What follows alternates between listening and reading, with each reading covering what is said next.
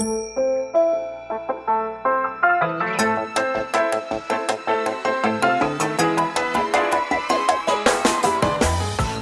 lieve luisteraars, welkom bij de Stories of Inspiration podcast van What's Your Story. De podcast waarin ik jou laat horen dat er achter ieder gezicht een inspiratiebron schuilt. En waarin ik jou heel veel tips ga geven over hoe jij meer naar buiten kunt treden met jouw authentieke verhaal. Heel veel plezier met luisteren en na afloop ben ik onwijs benieuwd wat je ervan vond. Stuur me een berichtje via Instagram als je wil reageren, als je vragen hebt of als je jouw verhaal ook zou willen delen. Veel plezier met luisteren!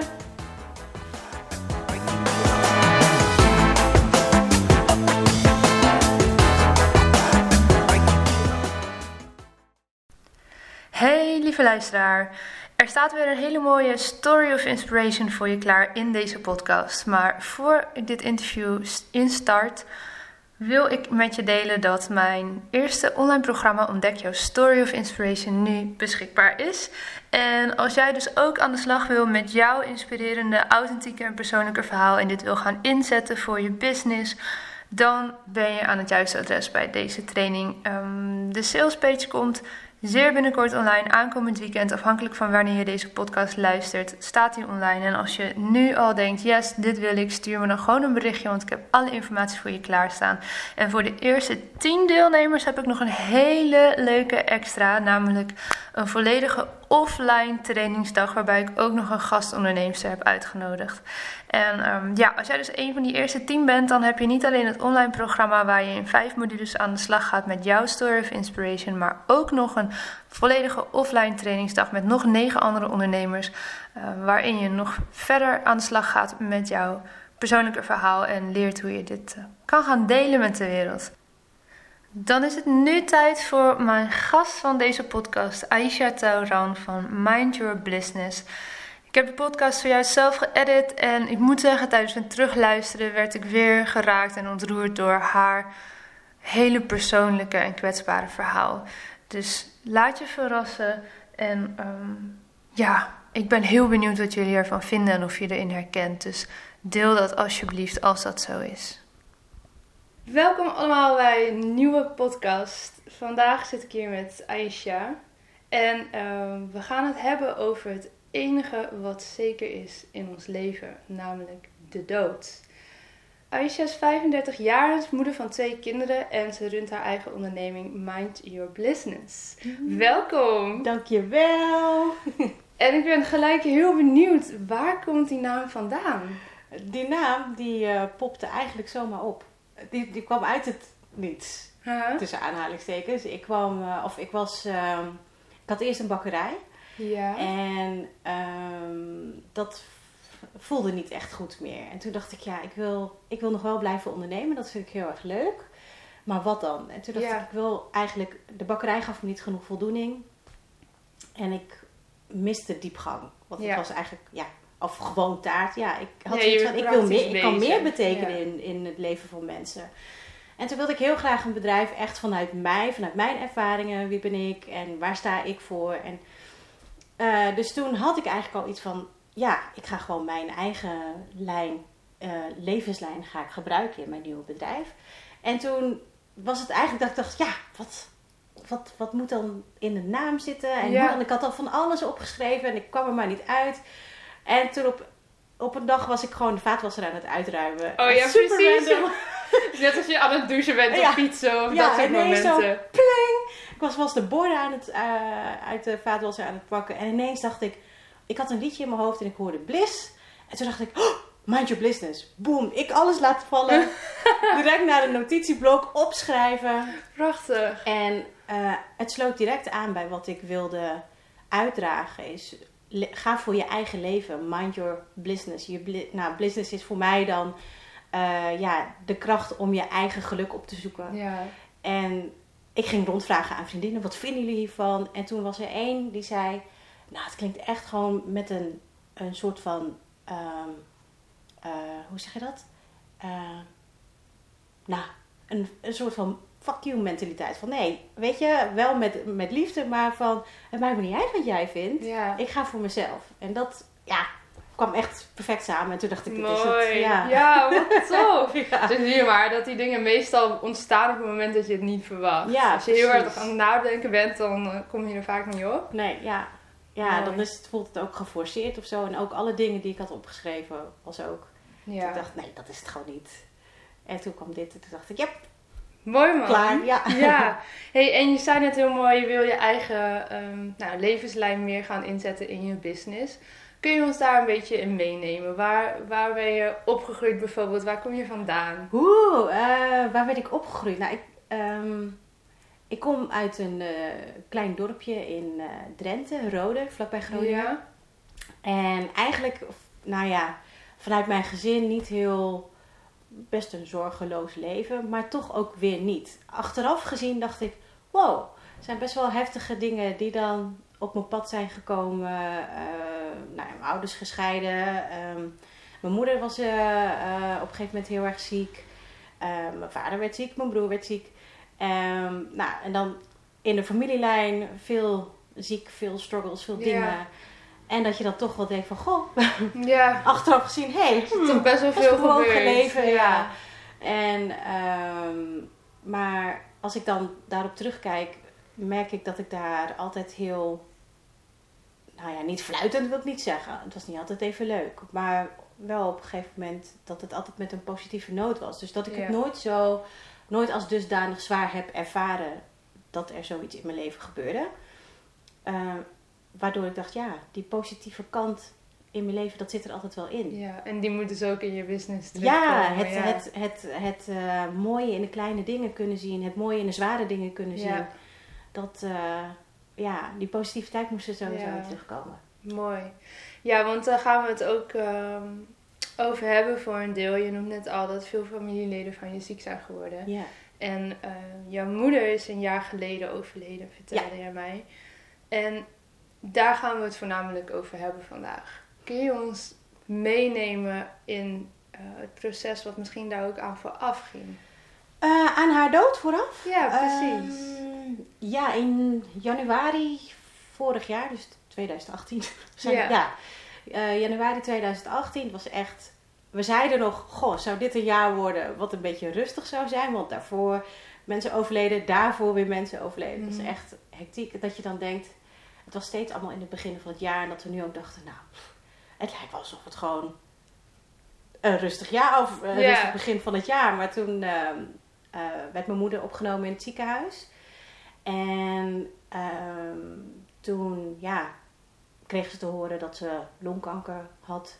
En dat is niet meer te genezen. Hoe lang was niet duidelijk, dat wilde ze ook niet zeggen. Ehm, dus ja, dan ik, ik was ook bij het gesprek met de arts. Op het moment dat jullie het echt te horen kregen. Ja, we, ze, gingen, eh, ze gingen allemaal onderzoeken doen. En ehm nou, er bleek dat er eh, vocht achter haar longen zat. En toen Mhm. wilden ze kijken waar komt dat vandaan. En toen eh, zeiden ze, nou de uitslag is binnen. En mijn moeder zat er van, we zaten al van, nou ja, het zal toch niet erg zijn, weet je wel. Ik Ja. bedoel, ze, was, ze was gestopt met roken. En ehm, ja, ze heeft vanaf haar vijftiende of zo gerookt. Ze was nog geen zestig. Dus ja, daar zit vast ook wel wat weer achter of zo. Ja. En je, je bedenkt dan van alles. Maar toen eh, werden we toch in een andere kamer geroepen. Toen dacht ik al van, oh, ja, ja, ze kunnen het ook gewoon rustig willen overleggen Ja. of weet ik veel. Maar ja, als dan, toen die arts het vertelde, ik, ik zat er echt zo bij van, ik, in eerste instantie wilde ik huilen heel hard. Of echt, ik voelde echt zo die tranen al omhoog. En toen dacht ik, nee, ga eerst maar even luisteren wat ze te zeggen hebben. Want ja, ze, ze- begonnen natuurlijk met, ja, we hebben niet veel goed nieuws. Ja, gelijk de die boodschap. ja. En ehm, toen, eh, ja, toen dacht ik, oké, eerst luisteren. Toen zei ze, het, het is niet meer te redden. En eh, toen leek het net alsof ik naar de film aan het kijken was. Ik wist niet wat me overkwam. Ik dacht, hè, dit, nee, dit gaat niet over mijn moeder. Dit gaat niet over het gezin waar ik in Nee. zit. En dat, dat kan toch niet? Want ja, een, een aantal jaren daarvoor, de vrouw van mijn vader, die had de borstkanker. Dus ik dacht, dat vond ik al bizar. En nu is het mijn eigen moeder echt Ja. daadwerkelijk en ook nog geen toekomst meer. Of geen toekomst, ja. Nee, ze konden eigenlijk niks meer voor haar doen. Nee, en ze hadden wel zoiets van, ja, het, eh, het- we moeten nog kijken of het langzaam groeiend is of eh, eh, snel groeiend. En dat heeft dan weer effect en wat Ja. de chemo's doen, dat soort dingen. Maar ja, dus het was echt, dat, dat proces naar haar dood toe was één grote rollercoaster van, oké, nu voel ik me wel oké. Of nou, toen we het net hoorden, ik kon niet stoppen met huilen. Als ik naar mijn kinderen keek, dacht ik, nee, die groeien op zonder oma. En dat, wat, mijn dochtertje, die was toen nog één. Ja, Ja, zo dus dat is te bizar. jong om haar dan ook nog echt bewust te herinneren. Ja, precies. En ja, wat moest mijn moeder dan allemaal wel niet missen? En Ja. ja, Hoe reageerde ze zelf? ehm, we reageerden eigenlijk allemaal heel rustig. Mijn tante en mijn vriend waren er ook bij. En de arts ging weg en zij zat, we zaten allemaal zo van... Nou, dat is kut. Echt zo... Ja. Hè, geloof jij het nou? En toen was er echt wel emotie. De eerste dagen was heel emotioneel. Ehm, maar dit vond ik een van de moeilijkste dingen. Was mijn moeder die hield heel veel voor zichzelf. En die liet dan ook niet altijd even eh, duidelijk blijken wat ze er echt van vond. Oh ja. En dat, ja, dus haar eerste reactie was wel echt van, oké, nou dan gaan we er het mooiste van maken.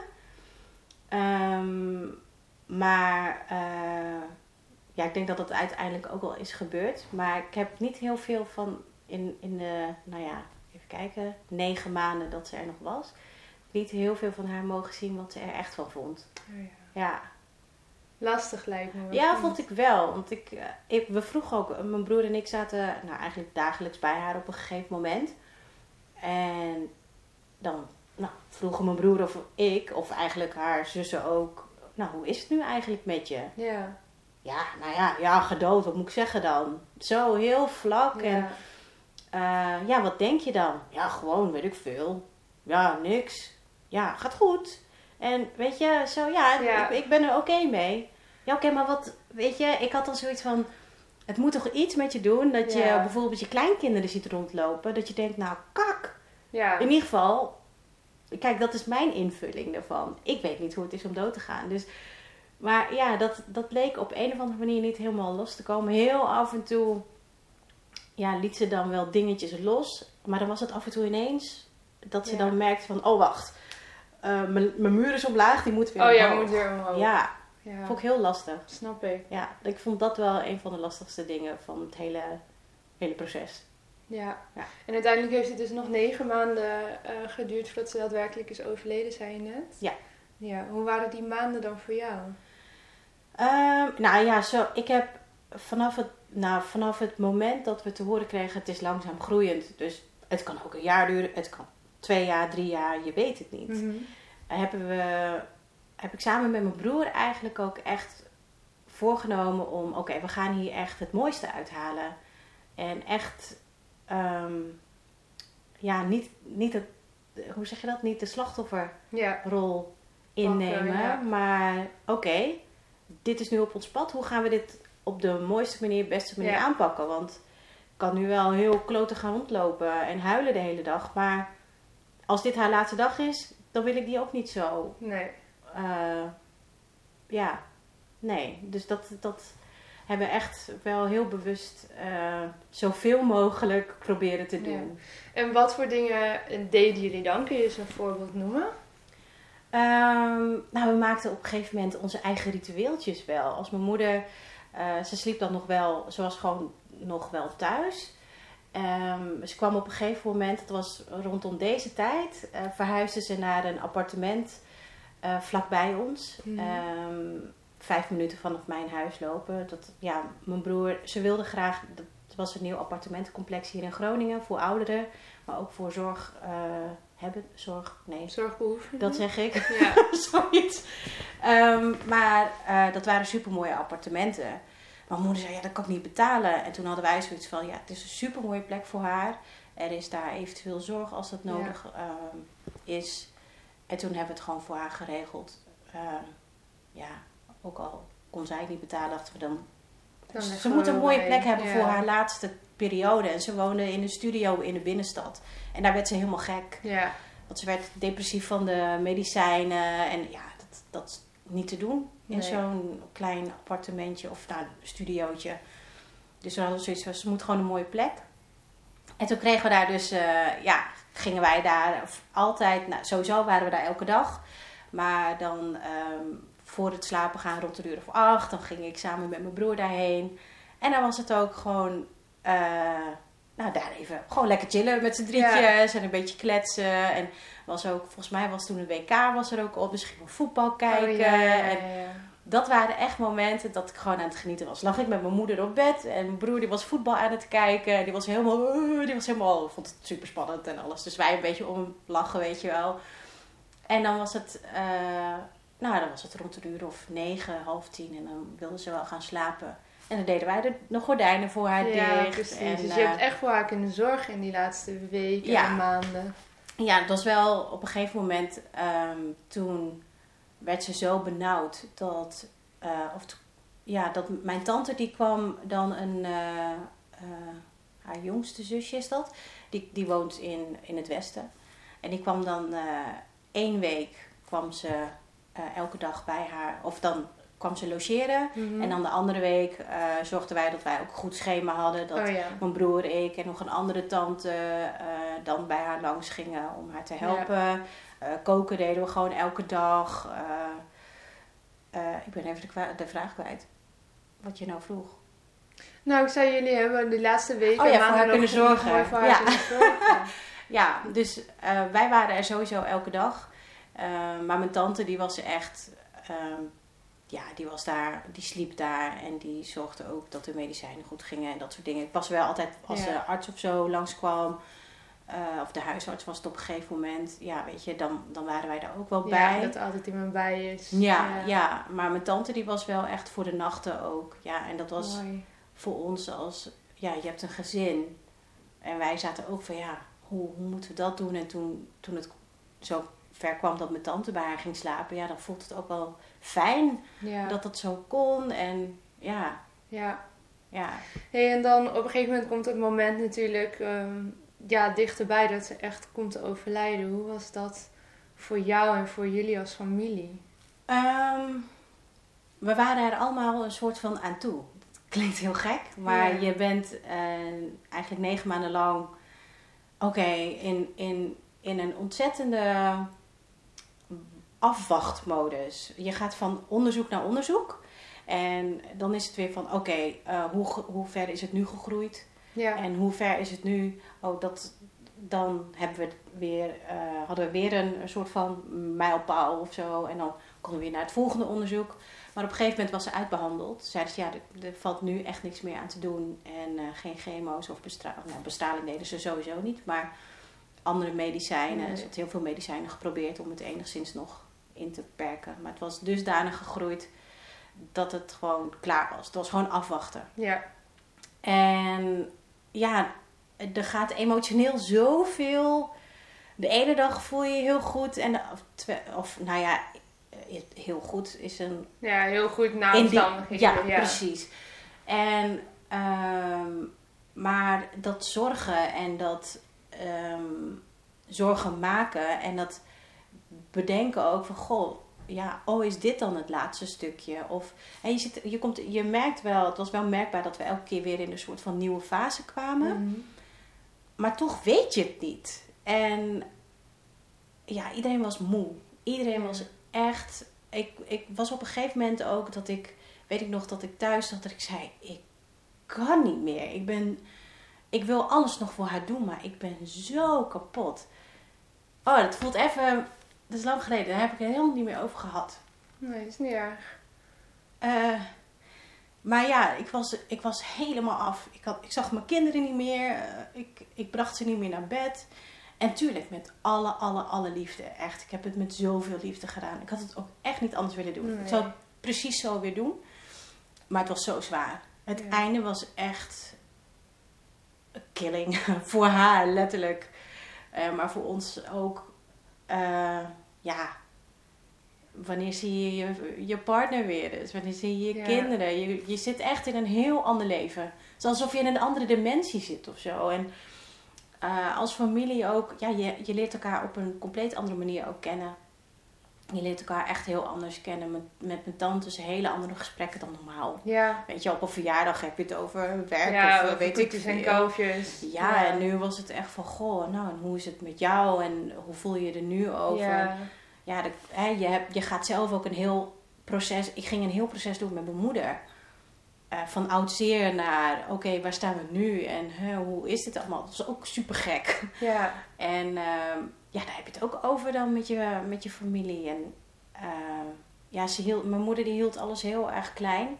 Ze wilde geen collega's of wat dan ook over de vloer. Ehm, een heel select aantal mensen Ja. kwam langs. En ja, daar, daar heb je gewoon een... Je hebt een, een collectief verdriet of zo. Mhm. En je snapt elkaar. En eh, soms ook helemaal niet. Maar Nee, ja, maar dat eh, Iedereen wel, doet het op zijn eigen zich wel manier. mee. Ja, ja, ja. Dus het, het bracht heel veel samen, dat wel. Ja, Ja, dat is dan ook wel ergens weer heel erg mooi. Lijkt Ja. me, hoe cru dat ook klinkt. ja maar dat, is- dat is juist een van de dingen die ik ook altijd ben blijven zien. Ehm, ook als er, hè, er kwamen ook heus wel struggles omhoog hoor. Eh, hoe, hoe, eh, hoeveel samenhorigheid je ook voelt. Soms Ja. irriteer je ook gewoon aan elkaar. Ik bedoel, je bent zoveel ineens samen in zo'n korte tijd. Ja. Eh, want vanaf nu dan tot, tot aan september zagen we elkaar dagelijks. Als familie zijnde ook. Mm. En dan merk je gewoon bijvoorbeeld met verhuizingen, weet je wel. Ja, jeetje. Ja. Dan komt Ja. alles omhoog. En zo'n Ikea-kast is dan echt niet zomaar nee. in elkaar gezet. Oh, dat Ja. lijkt me inderdaad wel... eh, ja, zeker onder zo'n spanning. Ja, maar ik kon er wel altijd wel om lachen hoor. Mijn moeder die zag dat allemaal van, van, van zo vanaf de zijlijn. En die- Ja, die zag ook had ze ook nog wat gebeuren. vermaak Ja, vanuit haar bed. Ja. Mooi. hey, en ehm, ik denk dat wij voor het eerst in contact zijn gekomen via Instagram toen ik het had over eh, cadeautjes en het uitpakken van cadeautjes. Ja. En ik weet ook nog dat daar ehm, een mooie reactie is opgekomen van eh Milassi. van de- Oh, Toch? ja. eh, Die had het over, want het is- toen was, kwam het een beetje ter sprake van... ehm, in, hoe kan je eh, de dood als een cadeau in je leven beschouwen waar je niet op zat te wachten? Want het is zo'n mooie metafoor en hij is zo krachtig.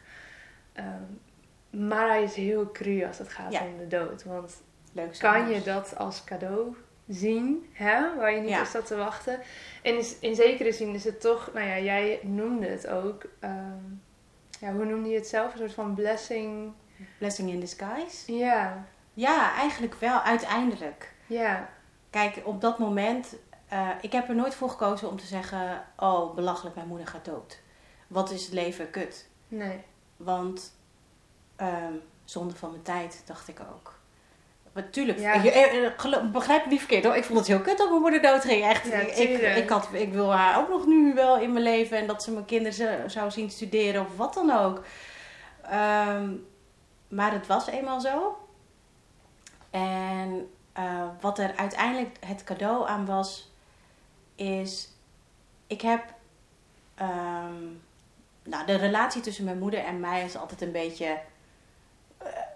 ja, hoe zeg je dat? Rocky. Een Mhm. Rocky road of zo. Ehm, en ja, ik weet waar het bij haar ook vandaan kwam. Maar de laatste ehm, maanden, ook al zag ik dat toch wel weer terugkomen. Die, ik- hè, je wordt heel erg geconfronteerd met je Ja. eigen patronen, met de patronen tussen in je gezin. Dat je denkt, oh oké, wauw. en het wordt ook zelfs wel- uitvergroot het wordt zeker moment. uitvergroot. Ja, Ja. zeker. Zeker. Dat je denkt, jeetje, wat, wat, wat is dit? Maar daardoor kreeg ik juist het inzicht eh, dat ik heel erg gegroeid was. Ja, Ehm, keek ik juist ook met heel veel liefde naar de patronen die we wel doorbroken hadden. En die we juist, ehm, ja, ik weet niet, keek ik ook juist met heel veel dankbaarheid naar die momentjes die ik dan met haar had. Ja. Van, wow, ik heb, weet je, ik, ik was niet dagelijks of wekelijks bij mijn moeder over de vloer. En ze was niet een zo, ja, hoe, nou, standaard oma wil ik niet zeggen, maar weet je, dat zei ze zelf ook altijd. Ik ben niet zo'n oma die elke maandag komt oppassen. Nee, precies. We hadden een hele andere verstandhouding. En ehm, ja, op een of andere manier ehm, was ik dan juist heel erg blij dat ik nog hele mooie momenten met haar heb kunnen zien. Die ik ehm, ja, in, de, in de jaren daarvoor misschien veel minder had Mhm. gezien, zelfs in zo'n korte tijd. Ja. Dus ja, in datzelfde tijdsbestek eh, ja, was ze heel anders met de kinderen ook. En eh, ja, natuurlijk ook verder wel heel erg in haar eigen proces van, van overlijden en afscheid nemen, denk Ja. ik ook. Ja. Maar ehm, ja, ik, ik, ik heb er nooit met, met eh, nou, iets van wrok of dat ik boos... Ja, ik, achteraf was ik was ook wel boos op haar. Eh, meer op nou ja, hoe, hoe de boel is verlopen, zeg maar. Maar niet op het feit zelf dat ze, dat ze ziek werd. Nee. Dat ze overleed of dat niet. Nee. En hoe was dat voor jou dan na haar overlijden? Het is natuurlijk nog maar heel kort geleden. Ehm, maar als we het dan hebben uit het, over het uitpakken van eh, dit, nou ja, enigszins dubieuze cadeau. Ja. Ik durf het bijna geen cadeau te noemen, Nee. omdat het gewoon zo heftig is. Ja. Maar ehm, nou ja, je zit nu hier, je vertelt erover. Je bent een voorbeeld in zekere zin door er hier zo open over te vertellen. Ehm, maar hoe ervaar jij dat op dit moment, dat uitpakken van eigenlijk het hele nou ja, proces en gevoel na het overlijden? Eh, zo, dat is echt ook. Je denkt, de ene rollercoaster is voorbij, maar er komt nog een andere achteraan. Ja, dat is wel. Ik pak het echt met de dag. Ja, Want ik weet, alle eerste keren komen. eh, terwijl juist op al die eerste keren voelde ik me eigenlijk gewoon best oké. Maar het komt gewoon op hele random momenten. Dat ik haar mis. Of dat ik. Het begon eerst echt met boosheid. En ja. ehm, Kun je zo'n moment noemen? dat ik op, boos op haar was. Ja, of- nou ja, of dat het gewoon ineens je aanvloog. Ehm, ja, Eh, op eh, de verjaardag van mijn broer. En dat ergens, of nou ja, de- op de verjaardag van mijn broer was ik heel erg verdrietig. Dus toen dacht ik, oh god, nou mijn verjaardag komt er straks ook aan. Ja. Dat wordt natuurlijk mayhem. Maar dat werd het niet. En toen dacht ik, hè? Wat gebeurt hier nou? ik denk, nou ben ik helemaal in de war. Wat is dit Ja. nou? En toen, eh, een paar dagen later, toen kwam hij ineens. En toen, ehm, ja, was, dat was ook echt... Ik, ik, ik was... eh, ik deed yin yoga. ja. En toen lag ik zo op mijn yogamat. En ineens voelde ik, oh wacht, ik moet huilen volgens mij. Nou, ik stopte gewoon niet meer. En ja, dat zijn echt, ook, maar ook momenten dat ik ineens eh, een trui van haar zie liggen of zo. Oh, ja. Kijk, ik heb een trui van haar gekregen of een vest. En dan, ja, die, die kan ik elke dag, eh, kan ik daar langslopen en denk, oh hé, hey, leuk. En dan op één dag, dan zie ik hem en dan denk ik, oh, oh man. En dan doet het ineens super pijn. ja. En dan mis ik haar ineens heel erg. En hoe ga jij daar dan mee om met die momenten? Het hangt een beetje van mijn status af, maar over het algemeen eh, laat ik dat wel gewoon zijn. Ja. Eh, als ik moet huilen, dan huil ik. Als ik. bo- nou, daar had ik wel moeite mee met het boos worden op. Maar nu laat ik dat ook wel zijn, al is dat boos zijn op mijn moeder. Dat is niet meer zo heftig als in het Nee. begin. Maar het, ja. En hoe is dat dan voor, voor jou en je gezin? Want ik neem aan dat dat toch ook wel invloed heeft, misschien op je partner of kinderen. Hoe zijn jullie daarmee omgegaan met z'n viertjes? Ehm, heel open. Wel. We, we hebben eh, toen mijn moeder nog ziek was, zeg maar, en dat er nog niet heel duidelijk werd van, oh, ze is nu aan het nou ja, aftakelen, zeg maar. Ze gaat Mhm. nu echt eh, downhill. Hebben we niet gezegd tegen mijn zoon, eh, want mijn dochter was nog te jong. Maar mijn zoon die is nu ze eh, zes. Wauw. Zes. ja, ik en leeftijden, we houden me op. Maar ehm, we, heb, we hebben hem pas verteld dat ze echt eh, dood zou gaan aan, aan haar ziekte. Op het moment dat voor ons duidelijk werd: oké, dit is wel. Het gaat nu wel best wel slecht Ja. met haar. En, eh, want we hebben eerst gewoon wel gezegd: ja, ze is gewoon ziek. Of gewoon, ze is ziek, maar anders ziek dan Ja, verkouden. griep, ja, of ja. ja. want ik dacht ook, straks krijgt het kind de griep en dan is hij bang dat hij doodgaat. Ja, dat moet je ook niet hebben, nee. Nee, dus ehm, ja, heel open eigenlijk.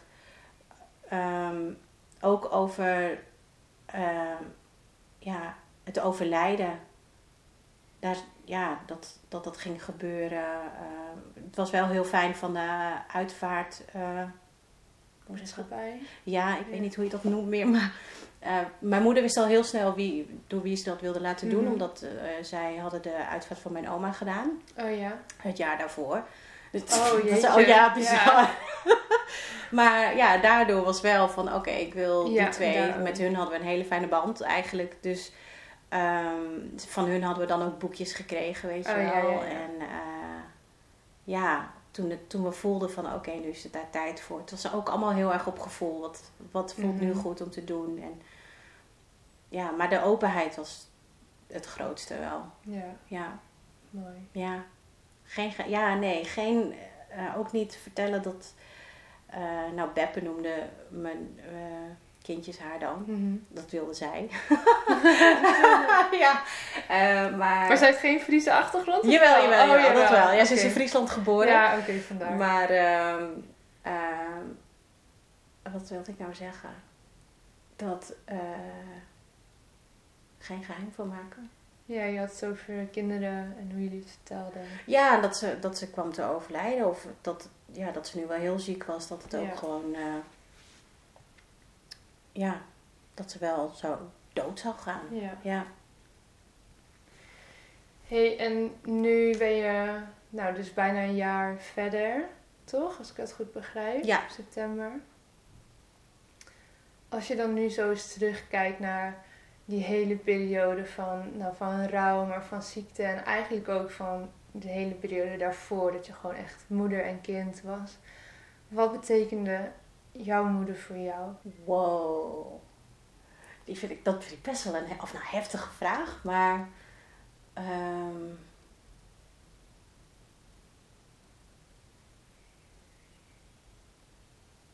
mijn grootste les. En mijn grootste spiegel. Kun je dat uitleggen? Ehm, nou ja, onze relatie ging niet van een leien dakje. Ehm, zij probeerde de dingen, ja, zij deed de dingen natuurlijk heel erg vanuit hoe, wat voor haar het beste voelde. Ehm, wat soms betekende dat het niet altijd het beste misschien voor mij was. Eh, en dat begreep ik niet in mijn, in mijn jeugd. Snapte ik gewoon niet waarom ze deed zoals ze deed. Niet dat ze heel heftig deed, maar ja, bepaalde patronen dacht ik wel van, oh, goh, goh, had je dat niet anders kunnen Mhm. doen?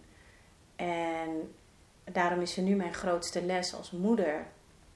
Zelf als moeder Ja. zijn. Van, ja, ehm, ik geloof heel erg in dat wat je zelf niet oplost, dat geef je door aan je Ja. kinderen.